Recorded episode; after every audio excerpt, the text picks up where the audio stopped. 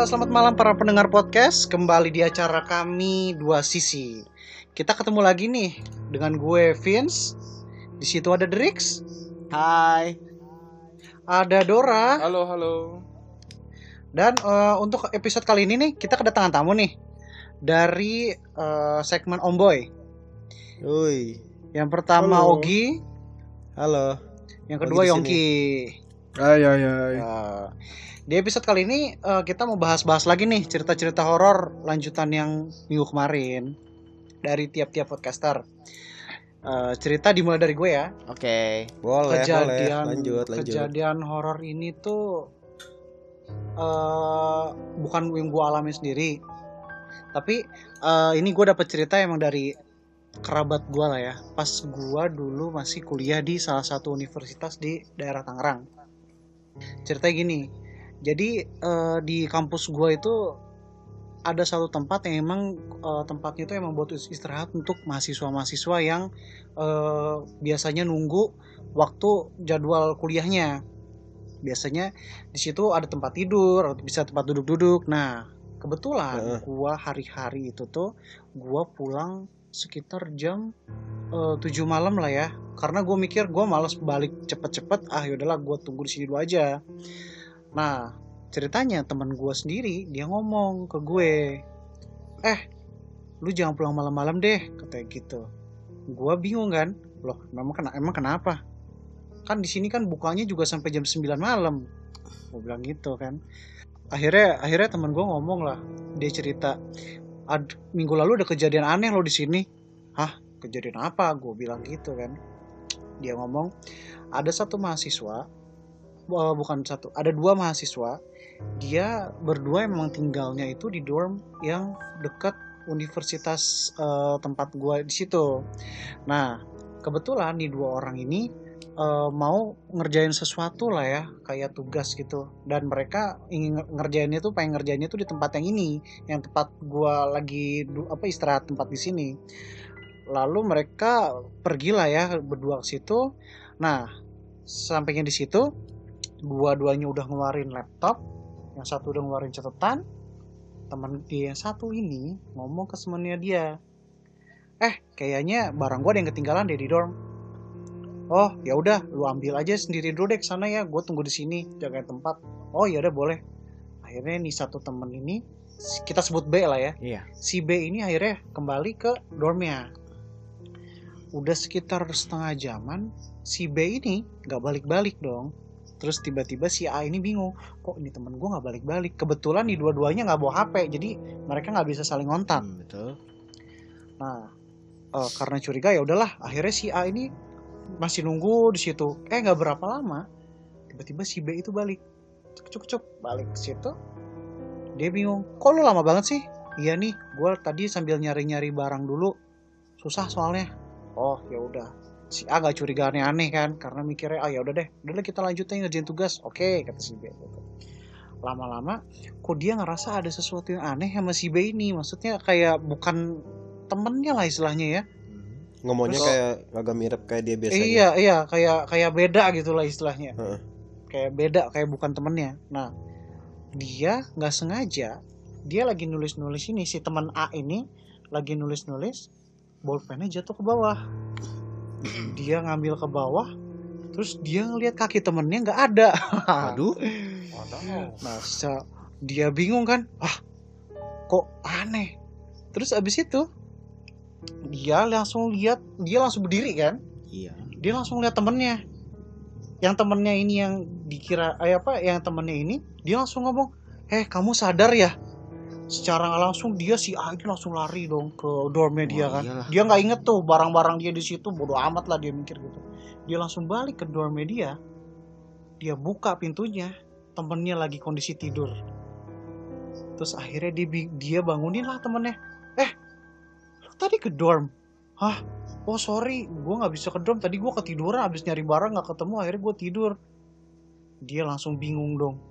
Tadi Buset. yang dia temuin di tempat tadi siapa gitu. Dia bilang wah itu sih. Gue setelah dengar cerita itu gue langsung oke oke gue pulang sekarang. Berarti ini bukan saat gue di sini terus sampai malam adalah gue pulang. Akhirnya setelah itu ya mungkin itu sih eh, ceritanya emang sempet ngerebak pas gua masih zaman kuliah ya. Akhirnya orang-orang juga kalau misalkan udah jam sekitar sekitar jam 8-an itu biasanya udah kosong sih Mhm. iya karena kondisinya juga kalau udah ada cerita kayak gitu ya Ya, orang juga lah pasti ya. kan Orang pasti pada kabur takut lah. juga. iya Terus, takut juga eh, lu pernah dengar dengar Terus- nggak itu kejadian berlanjut terus atau gimana tuh? Kalau untuk lanjutannya sih gue sih nggak pernah dengar lagi ya karena gue setelah udah pernah dengar cerita kayak gitu udah istilahnya gue udah tahu tempatnya kayak gitu ya gue hindarin gitu aja sih kalau prinsip gue. Oke. Hmm. Lu nggak mau coba-coba Terus- lagi ke sono? Iya, mencoba untuk misalnya Oh. ceritanya itu benar atau enggak. Belum ada lagi sih, belum ada lagi sih. Gue nggak ada niatan untuk ke sana. Kalau nggak ada tujuan yang penting banget sih gue sih enggak sih kalau untuk satu karena cerita gini dong sih enggak sih. Terus gimana nih? Kalau untuk Drix punya cerita horor juga nggak? Oh, kebetulan Hmm, gimana gue juga ada Cedric? nih. Kalau waktu itu dulu gue masih kecil, sekitar umur mungkin 12 tahunan. Jadi waktu itu gua, bokap gua sama om gua satu lagi kita pergi ke rumahnya temen bokap gue. Jadi kita tuh cuman sekedar mungkin untuk berbincang-bincang, untuk bermain lah ya. Dan kebetulan kita juga udah lumayan deket. Nah kita singkat cerita kita main ke rumahnya dia tuh. Nah tapi pas pertama pas pertama kali kita nginjak rumahnya, untuk gua sendiri gua ada ngerasa hal yang aneh. Jadi kita tuh ngerasa, jadi bukan kita, jadi gua tuh lebih ngerasain kayak rumahnya tuh kondisinya sangatlah tidak nyaman gitu loh. Seperti kayak Hmm. dari uh, perbedaan suhunya dari luar ke dalam agak aneh. Padahal mereka nggak Kayak Auranya kayak agak ya. lembab ya. auranya kayak agak auranya lembab juga gitu. emang Iya. udah beda sih walaupun eh, istilahnya mereka nggak menyalakan AC gitu loh kan soalnya mereka juga mereka pulang kita juga pulang ke rumahnya mereka gitu untuk main untuk ngobrol dan lain-lain. Jadi posisinya rumahnya tuh masih kosong terus kita masukin. Nah dari situ kita udah ngerasanya udah nggak enak banget. Nah abis itu ya waktu dulu mungkin gue masih kecil jadi gue agak bodoh amat lah ya. Jadi gue lanjut lanjut aja main sama anaknya temen bokap gue juga. Terus bokap gue sama temennya sama om gue juga ngobrol-ngobrol gitu aja. Tapi selang sekitar 15 sampai 30 menitan lah ya. Jadi tiba-tiba ada orang teriak-teriak tuh nah yang masalahnya yang teriak-teriak ini tuh an- anaknya temen bokap gue yang paling besar jadi dia itu entah kenapa tiba-tiba teriak-teriak tanpa sebab. Nah makanya kita agak panik ya udah kita samperin dong ada apa dong. Setelah itu kita usut punya usut kayaknya emang ada sesuatu yang janggal di dirinya dia dan oleh karena itu bokap gue sama om gue itu ya udah mungkin kita doain aja lah ya siapa tahu mungkin emang lagi terganggu sama hal yang aneh gitu loh tapi emang terbukti Sebelum Heeh. kalau sebelumnya dia nggak ada gangguan psikis atau apa pun. Eh, sebelumnya itu sih dia itu jadi pribadi yang agak eh, gimana ya agak males agak kurang bertenaga dan memang mungkin orangnya agak muram agak suram begitulah istilahnya lah ya Hmm, iya. Ini BTW ini dia lagi kerasukan apa gimana sih gitu? semacam kerasukan sih jadi dia Oh. agak ngeberontak juga teriak-teriak juga Soalnya sih. Ciri-cirinya kayak yang biasa kita nonton di film-film kayak orang kesa kerasukan ya. ya makanya Tiba-tiba Iya, teriak sendiri. istilahnya kayak TV-TV sekarang kayak orang ke- kerasukan dan lain ya seperti itu sih ini bukan ngarang cerita sih emang kejadian gitu loh. Gue pun sendiri ngeri. Oke kita lanjut. Heeh, terus gimana itu? nah udah setelah kita doain ya emang istilahnya serasa dia tuh lebih lepas sih. Jadi kayak nggak ada yang istilahnya bikin dia jadi muram lagi atau apa. Dia tuh abis setelah didoain juga emang lebih eh, istilahnya lebih bebas lah ya. Jadi nggak ada rasa seperti kayak dikekang dan lain-lain habis itu om gue kebetulan oh, adalah se- seorang indigo ya yang bisa melihat kayak ada hantu atau setan yang di rumah itu ya dan emang dia Oh, tuh dia- jujur Dia punya six sense gitu ya. Iya dia punya six sense. Jadi dia tuh emang setelah dia doain emang dia lihat. Jadi di belakangnya itu ada seorang nenek-nenek. Nah dari seorang nenek-nenek ini makanya ke- ditanyain kenapa bisa ada nenek-nenek gitu loh. Kok bisa ada ketempelan. Nah kita usut punya usut ternyata emang dari nama panggilannya dia sendiri itu sama teman-temannya itu udah artinya nenek-nenek tapi dalam bahasa Sunda ya kita tahu bahasa Sunda ini nini nini lah tau lah yang orang Sunda lah pastilah nini nini artinya nenek-nenek Iya, dong iya, iya. Nah, Iya, iya. mungkin karena dari situ terus emang dari teman-temannya juga kadang ada yang nggak suka sama dia mungkin dikirim atau gimana gue juga nggak tahu. Atau mungkin ketempelan di mana ini gue juga agak kurang tahu sih. Tapi yang jelas apa pas kita di apa efek dari apa efek dari nama itu bisa kayak gitu ya? Bisa jadi sih. Nah makanya oleh karena itu ya udah kita langsung sama bokap gua dan om gua juga kita langsung doain. Kita langsung memakaikan dia tuh nama baptis. Kita eh, kebetulan gue juga orang Kristen jadi kita tambahin nama baptisnya dia itu namanya Dorcas nah setelah itu kayak kita doain dia dong biar dia terlepas dari istilahnya hal-hal buruk ke- hal-hal buruk itu. Nah pas kita doa tiba-tiba ada bunyi keras tuh. Bunyi kerasnya bunyi jatuh. Jadi lantai eh, eh, rumahnya teman bokap gue itu dia tuh ada dua lantai. Lantai pertamanya itu untuk rumah dan lantai keduanya untuk garasi entah kenapa. Nah dari garasi bukan garasi sih baga bagasi ya ya istrinya Iya. gudang. Oh ya sorry gudang gudang. Hmm, gudang jadi di gudang-gudangnya itu emang kebetulan banyak kayak kursi yang gak kepakai, banyak banyak eh, lemari yang sudah lapuk lah ya. Nah itu tiba-tiba jatuh, semuanya tiba-tiba jatuh. Jadi istilahnya jatuh tiba-tiba bunyinya keras banget dong, sampai kita pun Serem. ja- dari dari posisi doa pun kaget. Cuman ya udah kita nggak mau pusingin, kita lanjut doa terus. ya. Kita lanjut doa terus dan selang sekitar satu jam kemudian akhir akhirnya emang eh, anaknya temen bokap gue emang rasanya lebih enak dan rumahnya sendiri pun rasanya beda gitu loh. Kayak ada yang keluar gitu loh istilahnya kok gua kayak pernah ngeliat scene kayak gitu di satu film ya ya tapi bukan Kayak- film sih kayak- masalahnya iya kayak kejadian eksorsis yang sampai barang-barang tuh semua terbang kayak gitu Istilahnya lu kayak terusir ya. Iya, istilahnya ada Iya, yang iya. terusir dari rumah itu gitu loh. Gue gue pun juga nggak tahu sih sejarah rumahnya seperti apa. Ketika gue datang Hmm. juga bokap gue pun juga nggak tahu. Dan temen bokap gue yang beli rumahnya itu juga nggak tahu gitu. Tapi emang mungkin emang mungkin penunggu rumahnya itu sendiri mungkin ya seorang neneknya atau apa gitu. Tapi dari sisi dari sisi om lu nih ya, Mm-mm. ngeliat itu si nenek-nenek. Nenek-nenek ini pengganggu apa ya? Emang cuman cuman pelindung doang. Gue rasa sih lebih ke pengganggu sih emang sih. Soalnya dari yang simptomnya teman anaknya teman bokap gue itu juga dia jadi orangnya jadi tidak bergairah gitu loh. Orangnya jadi Hmm. males-malesan.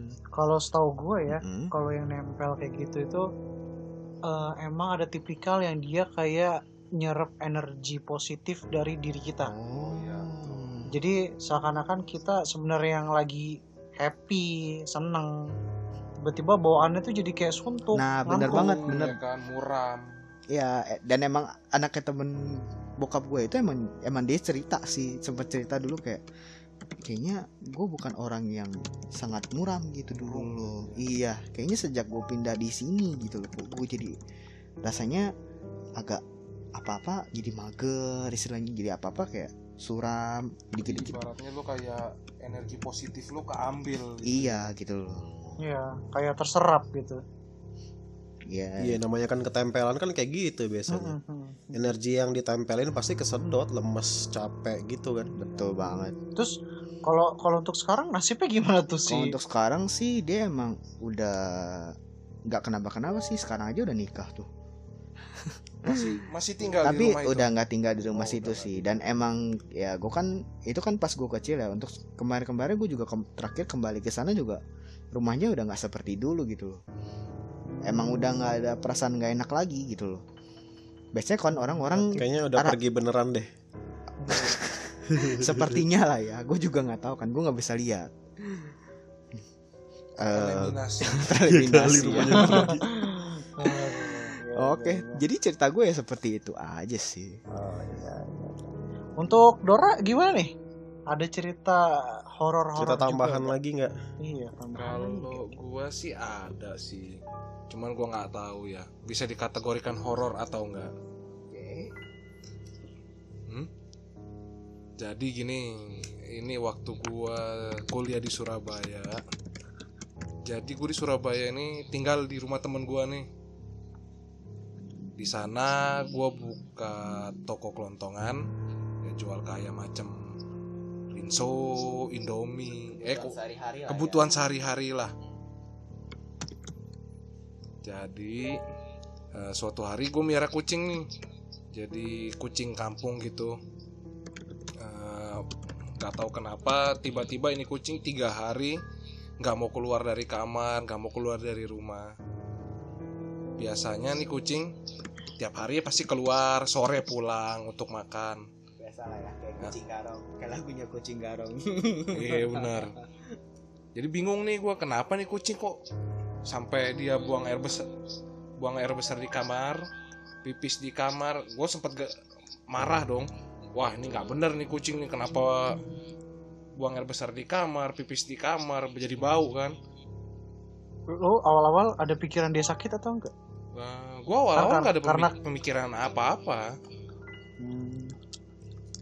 Iya kan bisa juga sakit, sakit bener iya kan? kucingnya Iya. benar kan? Tapi dari awal gue tuh pikir nggak nggak sakit karena dia makan normal. Dia jadi Oh, cuma maunya di kamar normal. aja. Setelah setelah gue pikir-pikir, coba gue manggil saudara gue nih, datang. Jadi gue undang, dia undang, gue undang, terus dia bilang, eh rumah lu sama toko lu dililit ular katanya. Ah ular apaan? Gue bilang Anjir. kan. Masa ular ngelilit rumah? ularnya segede apa Nah, itu segede dia gaban Nah itu dia bilang ternyata ini ularnya ular mistis. Jadi ada orang mungkin gak seneng sama gua dikirimlah itu ular. jadi istilahnya dia mungkin nggak senang juga mungkin nama usaha lu gitu Ya bisa jadi karena kan gua juga toko kelontongan kan di situ. Nah setelah itu setengah jam dari itu jadi kayak diusir gitulah eksorsisme gitu. Kucing gua udah mulai berani keluar nih. Dan hawa di rumah gua sama di toko itu udah mulai berasa enak gak lembab gitu. Setelah itu ada tetangga gua lewat dan ngeliat gua gitu kan. Dia nanya, Eh, bentar, Dor. "Hmm, Metode metode apa eksorsisme itu kayak gimana tuh? eh, Kalau gue lagi gue tahu. kalau metodenya sih yang gua tahu ya kalau dengar dari cerita dari dia dia itu emang punya pegangannya Sun Gokong jadi dia emang ada dia ada Chinese Jawa gitu oh jadi dia mungkin gitu Gim- Gimana gimana Sun Gokong gimana? Sun Bentar, Gokong bentar, emang bentar. benar Sun Gokong gimana? dia emang Sun Gokong atau kerasakti Bawaannya ilmunya gitu maksudnya. jadi kalau pas lu Orang yang lu Mesir ini. posisinya ada gue di sana itu kayak ada suara monyet-monyet ngumpul Ini nyata. nyata pak Oh. Sulit di sulit Wadaw. dipercaya tapi nyata ya. Nyata. Lu kalau pas posisi gue di sana itu kayak ada suara monyet-monyet. Jadi diusir lah mungkin sama dia itu. Gue juga di waktu itu ya gue percaya nggak percaya kan zaman kuliah kan. Jadi kayak waktu itu monyetnya gitu ngusir ularnya gitu. iya. Waduh. Nah setelah Terus itu sekarang monyet monyetnya bikin podcast ya. hmm, monyet-monyet lagi podcast nih. Eh, terus terus gimana tuh akhirnya? nah terakhir tetangga gue lewat dia nanya mas kok tokonya tiga hari tutup? katanya. Ah gue bingung dong. Padahal gue tiga hari buka mulu nih. Dia bilang saya tiga hari buka kok. Mana mas? Saya lihat tutup mulu katanya. Oh iya. Mungkin salah lihat aja gue bilang. Jadi gue nggak mau cerita ke tangga-tangga. Mhm. setelah diusut-usut kan biasanya kalau ilmu dikirim gitu kan ada feedback ke pengirimnya. Jadi dan mereka kena efek lah ya. Ya betul dia kayak kena efek sampingnya lah. Jadi someday gua lewat di gang sebelah rumah gua ternyata di sana ada orang yang kemarin gua lihat sehat eh besoknya Tiba- tangannya penuh dengan perban Kenapa tuh putus atau gimana? nah itu gua nggak tahu Hmm. bisa jadi mereka kecelakaan Ah. Iya iya tapi Digigit ini kali, digigit tapi ular kadut. sebenarnya kalau dibilang kecelakaan atau digigit digigit binatang gitu karena gue malamnya baru ketemu sama dia Kalau kalau feeling gue ya, kalau misalnya orang yang ngirim kayak gitu tuh kan kata lo tadi ada feedback kan? Iya. Mungkin setelah diusir sama si sepupu lu itu akhirnya dikirim lagi lah ke dia Iya, mungkin Jadi istilahnya- balik gitu ya. iya nyer iya istilahnya hal yang harusnya kena lu jadi kena dia lagi gitu Bisa. kayak kena Iya kan? Mm-mm. Emang dan kebenaran dia juga punya toko kelontongan sih kayak gue. Ya, itu sih kemungkinan kemungkinan besar sih Bisa ya. lah ya. Mungkin. Oke, Kemungkinan cerita dari gue sih segitu gitu. aja. Ya, ya, oke. Untuk Terus nggak lu apa-apain tuh orangnya tuh yang ngirimin tuh. Kalau gua sih orangnya nggak mau dendam ya. Jadi gue bilang sepupu gue sebenarnya il- itu dibuang aja gitu loh. Tapi emang konsekuensinya nggak bisa. Nggak bisa dihindari Iya. istilahnya lu yang ngirim pasti lu juga kena efek samping pasti. Iya. Iya. Untuk teman-teman kita dari Omboy gimana nih? Ada cerita juga nggak? Untuk Ogi Ogi gimana? Ada cerita horor-horor juga nggak? Gue nih. Iya. Oh, kalau cerita horor sih yang paling serem ya menurut gue ya. Mm-mm. Itu tuh dulu kalau nggak salah pas gua baru mau tes ITB. Mm-mm. Ah, jadi waktu itu gua mau masuk S2 kan. Gua ke Bandung dari Bali. Terus gue nginep di satu hotel. Pokoknya itu hotel ya pasti banyak lah yang tahu gitu. Pas banget di bawah flyover. Gue nginep di sana di di ini di Pasteur, Daerah Pastor. Oh, iya. Ah, daerah Pasteur. Jadi ini seremnya bukan gimana-gimana sih, lebih kayak ke mungkin horornya kayak horor psikologis gitu juga kali ya. Gue nggak paham Wow. gimana. Pokoknya ini yang paling ngeri lah gue rasain gitu dari pengalaman horor gue gitu. Nah jadi gue waktu itu udah habis tes kan hari ke berapa ya? Hari kedua kalau nggak salah. Hari kedua gue udah habis tes, gue pulang. Itu siang-siang nih gue istirahat. Gue istirahat siang-siang. Terus gue bangunnya udah sore, sore banget nih, udah jam sekitar jam setengah tujuh. Karena masih capek kan, ya udahlah gue akhirnya mandi gitu. Tapi kok pas gue bangun ini gue ngerasa gak enak banget gitu. Kayak gue ngerasa itu di kamar gue tuh nggak sendiri gue. Ya agak-agak suram gitu lah pokoknya. Kayak ada yang nemenin ya? Iya, kayak gitu, gitu. Terus habis itu pas gua mandi nih, gua mandi, waktu gua mandi gua ngerasa kayaknya kayak ada yang nontonin gua mandi deh kayak gitu dah. Waduh Iya, kan dia showernya kayak ruangan kotak sendiri gitu kan kamar mandinya kan. Terus gua lagi eh, mandi, showeran ngadap-ngadap ke belakang, nggak ngadap ke arah wastafel gitu. Ada kaca nggak di situ tuh? Ada, Oh, lu nggak penasaran tuh siapa tahu di belakang lu ada sesuatu? Ah, ka- kacanya di belakang gua bukan depan gua. oh, kacanya di belakang dia Hihihi, kaca wastafel. Iya, iya. jadi jadi pas gua mandi nih, gua mandi lagi enak-enak. Aduh, mandi seger banget, capek banget gue seharian, enak banget mandi gitu. Terus kok kayak gua ngerasa ada yang ngeliat gua di belakang gitu kan. Terus pas habis mandi, gue sambil shower tuh gue noleh ke belakang coy. oke Entah gue dalam kondisi sadar kagak sadar gue ada liat perempuan berdiri di belakang gua kayak gitu. Wow. Anjir. itu lu lihatnya dari kaca atau dari Kagak, langsung gua ngeliatnya langsung. Langsung, langsung langsung lihat gitu waduh Ha, tapi dalam kondisi kayak gue masih nutup mata setengah kena air gitu oh loh. iyalah Oh, kelilipan kena basic- sampo basicnya, iya. basicnya lu punya six sense gak? Enggak kan? Eh, enggak sih, enggak enggak juga sih gitu. Cuman pas pokoknya kayak waktu itu gua kayak langsung kayak pas ngeliat gitu gue bilang ah ah enggak enggak gue lagi capek gue lagi capek capek mungkin gue salah lihat kayak gitu gue mikir thinking ya? positif iya positive thinking gitu gue masih salah lihat oke oke gue siram lagi gue liat ke belakang lagi udah nggak ada gitu mungkin dia waktu itu pengen nunjukin Uh-uh. diri kali kalau mungkin. Iya. mungkin. Gue gak tahu nih. Abis itu gue selesai mandi kan? Mm-mm. gue selesai mandi. Gue selesai mandi gue eh, langsung beres-beres. Gue apa keringin rambut apa semuanya. Terus gue ini gue keluar dari hotel. Iya. Gue beli gunting gue beli air minum gue beli pokoknya peralatan peralatan lainnya lah buat berapa hari ke depan gitu nah gue beli gunting ini tujuannya gue mau cukuran. Cukur rambut gitu? Gue ngerapiin nggak mau ngerapiin ini jambang sama jenggot gitu kan. Oh, oke. Nah, gue mau ngerapiin kan. habis itu pas gua nyampe ke hotel lagi udah kan gue udah mandi udah seger. Gue kamar mandi lagi nih. Lampu kamar lu lupa gue nyalain. Kamar mandi doang gitu. Karena kan biasanya nyolok nyolok apa kartunya itu kan ada beberapa yang harus nyalain lagi kan lampunya kan Iya betul. Iya iya. Jadi nggak Iya. langsung nyala otomatis lah. Heeh. semua. Iya. Nah, habis gue cukuran nih. gue lagi ngeliat nih. Tiba-tiba gue ngerasain merinding, coy.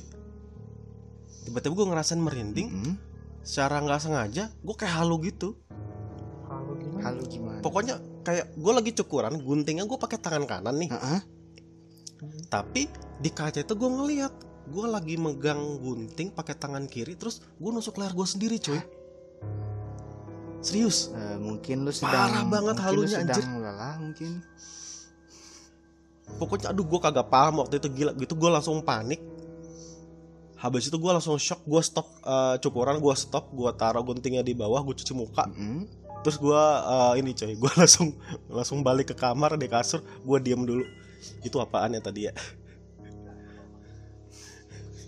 langsung ya gitu pokoknya gila serem banget anjir Buset deh. Habis mungkin itu, lu sedang berhalusinasi. besoknya iya gue kagak paham apa karena yang sebelumnya dari yang mandi itu efeknya dia lagi jelek apa gimana atau gue gimana kagak paham lah gue habis itu besoknya pagi-pagi langsung gue kontak di lobby hotel gue minta pindah kamar coy Oh iyalah pasti lah. males banget gue Lu nggak nanya, lu nggak nanya sebelumnya eh, ke resepsionisnya ada sejarah atau histori apa gitu di kamar lu tempat kemarin nginep? nah yang kayak masalahnya pas kayak gua minta pindah itu kayak resepsionisnya kayak udah paham gitu loh dia langsung cariin gua kamar gitu iya, loh Iya, itu sih udah jelas ya. Pasti sebenarnya Iya. dia dia tuh kayak nungguin apa lu ada respon atau enggak nih dikasih kamar gitu. pokoknya anjir lah itu itu gila banget gila Gi, itu bener-bener sampai dibikin halu kayak gitu waduh Oke, Hai. lu sempat berpikiran nggak untuk ngajak kenalan itu cewek? ya kali lu mau kenalan sampai yang begitu begitu Siapa Kali tahu kan. ya kan? Wah, ngeri ngeri. Iseng-iseng berhadiah kan. Nah, bener tuh. Tapi lu nggak pernah sih gua kagak eh, komplain ke bagian resepsionisnya kayak minta ganti rugi atau gimana Ya. gitu kan? Karena kagak sih gua kan gua kan pahamnya begini nih Drake Mm. gua sih pahamnya begini masa hal-hal yang bagi beberapa orang tidak masuk akal masa lu protes sih ke resepsionis sih Iya sih. Hmm. iya kan kalaupun iya eh, paling dia nanya buktinya kan iya pasti. iya sih, kan bener paling dia nanya mana buktinya gitu Karena Udah, balas aja Hal-hal- saya viralin nih gitu. hal-hal yang kayak gini kan emang nggak logis ya intinya ya. Ya, Iya, di luar logis ya lu gitu. Minta tuker kamar. Iya. Iya. Benar sih. dan ya untungnya sih mereka ngasih dan beda lantai gitu loh Tapi sejak lu pindah kamar lu nggak digangguin lagi kan istilahnya. serius kagak ada digangguin apa-apa sama sekali Berarti di lantai yang Kayak udah biasa aja. aman ya. aman iya Berarti kamar lu yang sebelumnya emang punya kayak histori-histori yang emang berhubungan sama hal-hal gaib kayaknya. iya emang kacau kamar di situ Tapi lu nggak dulu. dan kalau nggak salah Hmm? ini kalau nggak salah gue pernah nonton di YouTube Iya. kalau di hotel yang sama itu banyak loh ngalamin ini pengalaman horor Oh berarti Oh, bukan di hotel cuma yang sama? aja gitu loh. iya bukan cuma Oh, gue aja di iya. lantai yang spesifik lagi kayak Oh, gitu kamar yang sama gitu ya. bukan kamar yang sama Oh, di malah lantai ya. yang sama katanya iya Karena karena gini gini Dor, kalau yang makhluk kayak gitu tuh dia punya apa ya kekuasaannya masing-masing gitu di Kayak daerah-daerah tertentu emang iya teritori teritorinya sendiri dia. Jadi wah itu sih itu sih yang pengalaman gue yang paling gila sih Ngeri banget sih itu. Ngeri ngeri ngeri. iya kacau kacau banget gila, Istilahnya gila. lu juga dibikin halusinasi gitu sampai lu iya sampai dibikin halu gunting. kayak gitu kan pakai tangan kiri juga gitu. iya Nah, sampai gue kayak ngeliat sampai gue kayak ngeliat darah gue ngocor sendiri dari leher coy kena kaca coy Itu kayak lu diajak ya. Iya. Iya. Secara nggak sadar lu dibikin anjir lah itu pengen. iya. antara dua satunya gue diajak atau mungkin yang di situ dulunya kayak begitu Oh, iya. bisa siapa jadi. tahu. Bener banget. siapa tahu gue Apa kayak dia ngulang kayak- memorinya dia Dia kayak ngasih vision ya, ngisi Mungkin. vision sebelum dia kejadian tuh kayak gini gitu. Dulu jadi Heeh. kejadiannya kok Ya. begini loh gitu ya. iya siapa tahu dulu di sana ada yang pernah kayak bunuh, diri, diri, kayak gitu iya, caranya bisa, kan kita bisa. nggak tahu Iya kan. sih. Iya, dulu gue sambil cukuran kepleset guntingnya gitu kan. Ya kali cukup masalah ini cewek coy Ya kan cewek juga bisa Apa yang cukuran. dicukur? Cukur jenggot. Kaki, kaki kan biasa. Cewek kan cukuran kaki biasanya kan. Ya, iya. Ih, sih. Oh iya iya. Siapa tau ceweknya berokat. Aduh. Ya ya ya. Itu sih kalau dari gua sih yang paling serem sih itu sih. Mhm. Itu udah parah Untuk- banget lah itu buat gua. Untuk Yongki gimana nih Yongki nih? Cerita horor gimana nih? Cerita horor sih gue ada sih. Mau yang serem banget atau yang biasa aja? Itu yang Wah, serem banget dong dong. pastinya.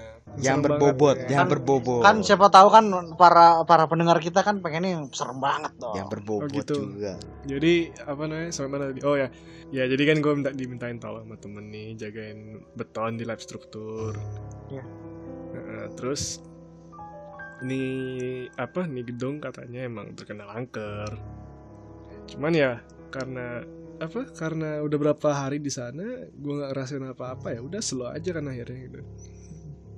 Nah terus mulai tuh hari ini pengalaman pertama waktu di sana ya kalau nggak salah itu hari kedua apa ketiga gitu Mhm. lancar-lancar aja tuh gue di sana tuh terus karena gue waktu itu shiftnya jagainnya pas malam ya udah gue dari malam larut sampai, Sampai pagi kan ya. Mhm.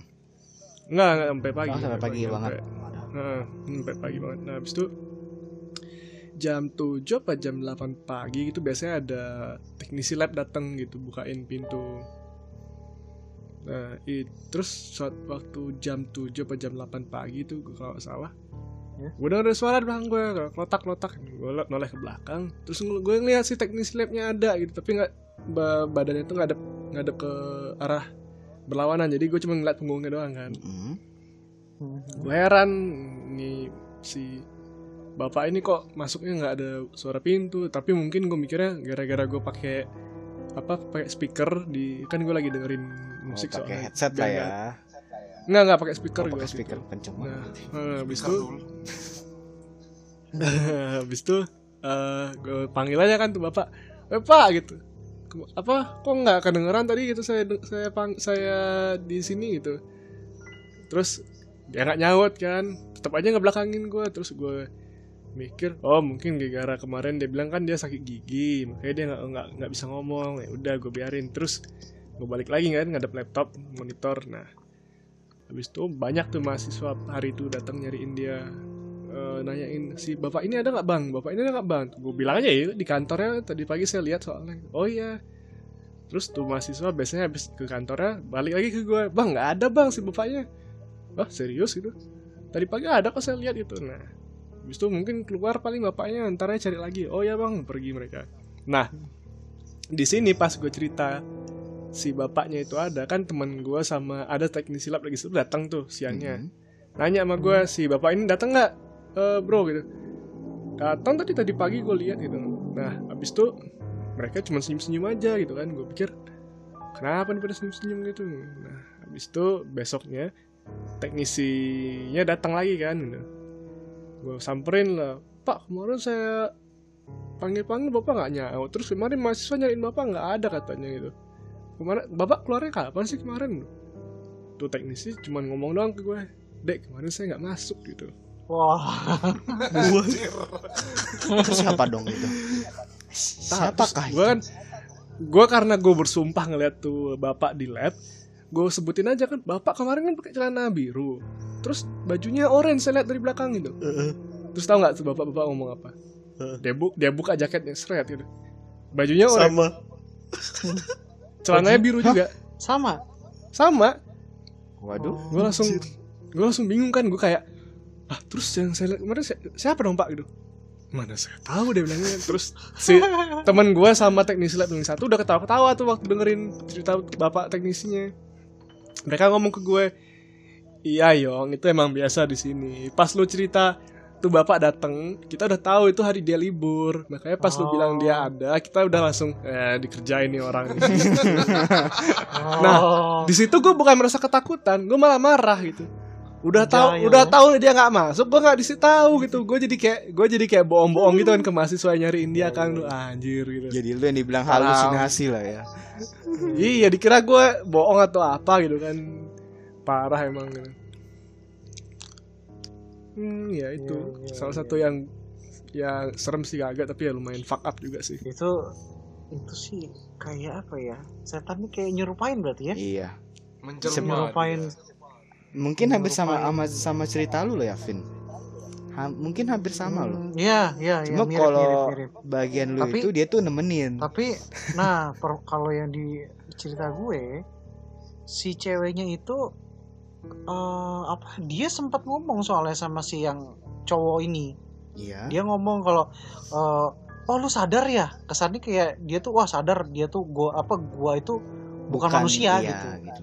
iya dia masih berinteraksi berarti kan maksudnya lebih horor cerita gua sih sebenarnya sih karena dia istilahnya udah jelas dia ketahuan Terus dia masih akhirnya bilang, dia sadar dia kabur Iya. Iya kan. Coba kalau James, eh sorry sorry. Kalau Yongki ngelihat depan mukanya langsung, apa gimana itu bentukannya? Hmm, Lu udah liat mukanya nggak kira-kira Yongki? kagak ada bro. Cuman liat punggungnya doang lah ya sama baju sama ya punggung. celananya. enggak mungkin waktu Iya. dia nengok gak ada mukanya Oh, bisa jadi sih. Bisa bisa bisa. Jadi Iya iya iya. iya. lu tapi yang ki nggak pernah penasaran nanya itu siapa Penasaran gimana? gitu Iya. eh, lu pengen Pengen tahu siapa apa sih maksudnya itu? mencari lebih dalam gitu maksudnya ini siapa sih sebenarnya sih gitu Hmm, kalau gue denger-dengar sih itu katanya ini yang emang jagain di labnya. oh Bukan maksudnya bukan ya. jahat ya, cuman Dia cuman kebetulan gue gue ngelihat sosoknya kayak gitu kebetulan gitu. Hmm, ibarat penunggu ya iya Iya, benar. emang iya. ini kan Menunggu. ya emang katanya kalau di kantor atau di mana gitu memang ada kayak makhluk makhluk Pasti sih, atau jin emang gitu sih. yang suka pasti nyerupain orang ya penunggu itu pasti ada pasti. bahkan setelah orang yang meninggal ada gitu loh yang niruin kegiatan-kegiatannya gitu kan. Hmm. Karena setahu gue ya paham sih. setahu gue ya kalau kita itu sebenarnya kan kalau untuk melihat yang hal-hal kayak gitu kan mungkin kalau orang-orang indigo tuh udah terbiasa ya ngeliat ya. Tapi sebenarnya gue sih punya eh, bukan pendapat. Kayak dikasih tahu sama orang lah ya. Kalau misalnya sebenarnya makhluk yang kayak gitu makhluk astral itu pengen ngelihat kita itu sebenarnya dia butuh kekuatan yang tinggi gitu loh. Jadi eh, mungkin mereka tuh mungkin ada tingkatan-tingkatannya. Jadi kalau tingkatan yang tinggi itu sebenarnya apa baru yang bisa ngelihat kita gitu loh. Bisa nunjukin ke kita apa eh, wujudnya kayak gini gitu. Nggak jadi nggak semua yang ecek-ecek misalnya kayak hantu-hantu apalah misalnya itu tuh nggak semua bisa nampakin ke manusia gitu Jangan-jangan di dunia mereka ada sekolah juga ya. wah Bisa mungkin tahu Ya, juga tapi katanya sama kayak gitu loh Iya. Bisa kita jadi kan kayak sih. kayak misalnya eh, kayak misal ada mereka kan kita merinding Mm-mm. nah kalau misalnya dunia mereka ada kita lewat mereka juga merinding gitu katanya siapa, siapa tahu kan Iya sama sih, karena mungkin kan sama sih. efeknya kali ya. Istilahnya kan kita kan satu makhluk dunia mana, yang satu makhluk dunia mana gitu. Iya. kan dua sisi yang berbeda Iya, iya. Iya, seperti Iya, iya. channel Seperti kita ya. itu channel. Iya, Dua sisi gitu. Bedanya kalau si Ogi apa muncul di sana pada lari semua ketakutan histeris. Ah, pada makanya dia nggak mau nengok asem nih Iya, katanya. bener, wah bener, bener. anjir nih katanya. Aduh, untuk jadi untuk cerita sekarang apa ini bisa kita petik nih? Kalau dari gue sendiri sih kita harus respect ya sama semua tempat-tempat yang baru kita kunjungin atau tempat-tempat historis. Itu tuh kalau kalau dari prinsip gue tuh gue harus respect istilahnya. Kalau kita nggak respect mereka kan mungkin sebenarnya nempatin satu tempat itu udah lebih lama dari kita datang kan. Betul Hmm. banget. Nah kita kita harus nyambut juga lah, kita harus kasih hormat ke mereka juga udah datang ke situ. Karena sebenarnya kan kita juga nggak bisa ngelihat, mungkin mereka bisa ngelihat tapi kita nggak cuma ngerasain doang gitu. Istilahnya kita minta izin lah sama satu tempat, mau tempat apa pun, yang penting ke- kalau misalkan tempat baru kita minta izin lah istilahnya. Udah pasti. Gimana nih kalau kalau dari kalian-kalian gimana nih? kalau dari gua sih ya bukan dari gua sih sebenarnya. Gua nih ngutip dari temen gua. Jadi kalau temen gua itu bilang mereka ngelihat gitu ngelihat kita itu bagi mereka itu udah apes. Sama kebalikannya kayak kita. Kita iya kalau itu sama kayak tadi cerita gua kan. kita itu juga apes. Iya, bawaannya aduh ya. Nah, jadi kita mendingan kalau ngelihat udah saling saling menghargai aja udah kayak halo kenalan gitu kan Jangan, Pak. siapa tahu jadi teman kan dunia dua dunia gitu Nah, kayak bukan cari itu. masalah lagi tuh. Aduh.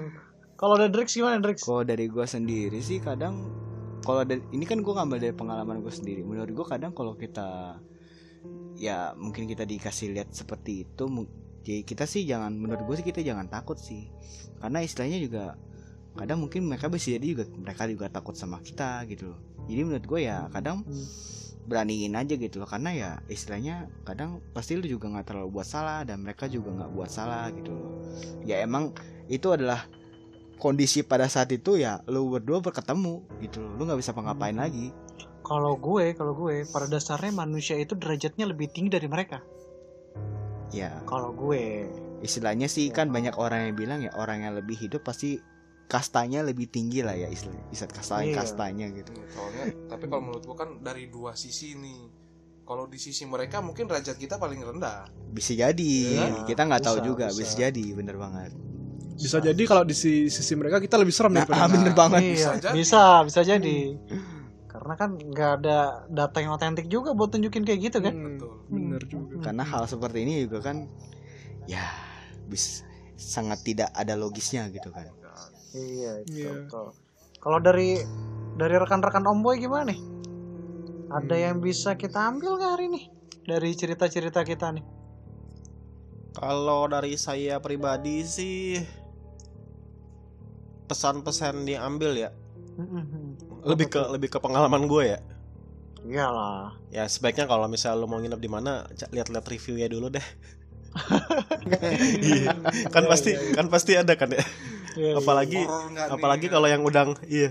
Apalagi yang ngalaminnya udah berjamaah gitu kan. Iya. Mendingan lihat cari-cari review aja Apalagi deh dulu. apalagi yang ngalamin juga bukan cuma satu dua orang ya. Iya terusan terjadi gitu Iya, iya. Iya cobalah dulu cek reviewnya gimana orang-orang ini pengalamannya di sana kayak gitu. nggak salah sih jadi istilahnya lah, mencegah daripada mengobati lah ya Bener bener bener. Lebih Ini baik salah. mencegah daripada Apa tuh? Mencegah daripada Lebih baik ngeliat. mencegah, oh, oke enggak. lebih baik eh, tanya dulu daripada pindah kamar ah, belakangan. bener banget Kalau kayak gitu udah ribet tuh. iya. Itu sih dari gue gitu aja sih. Nih, Kalau dari Yongki gimana nih? Yongki?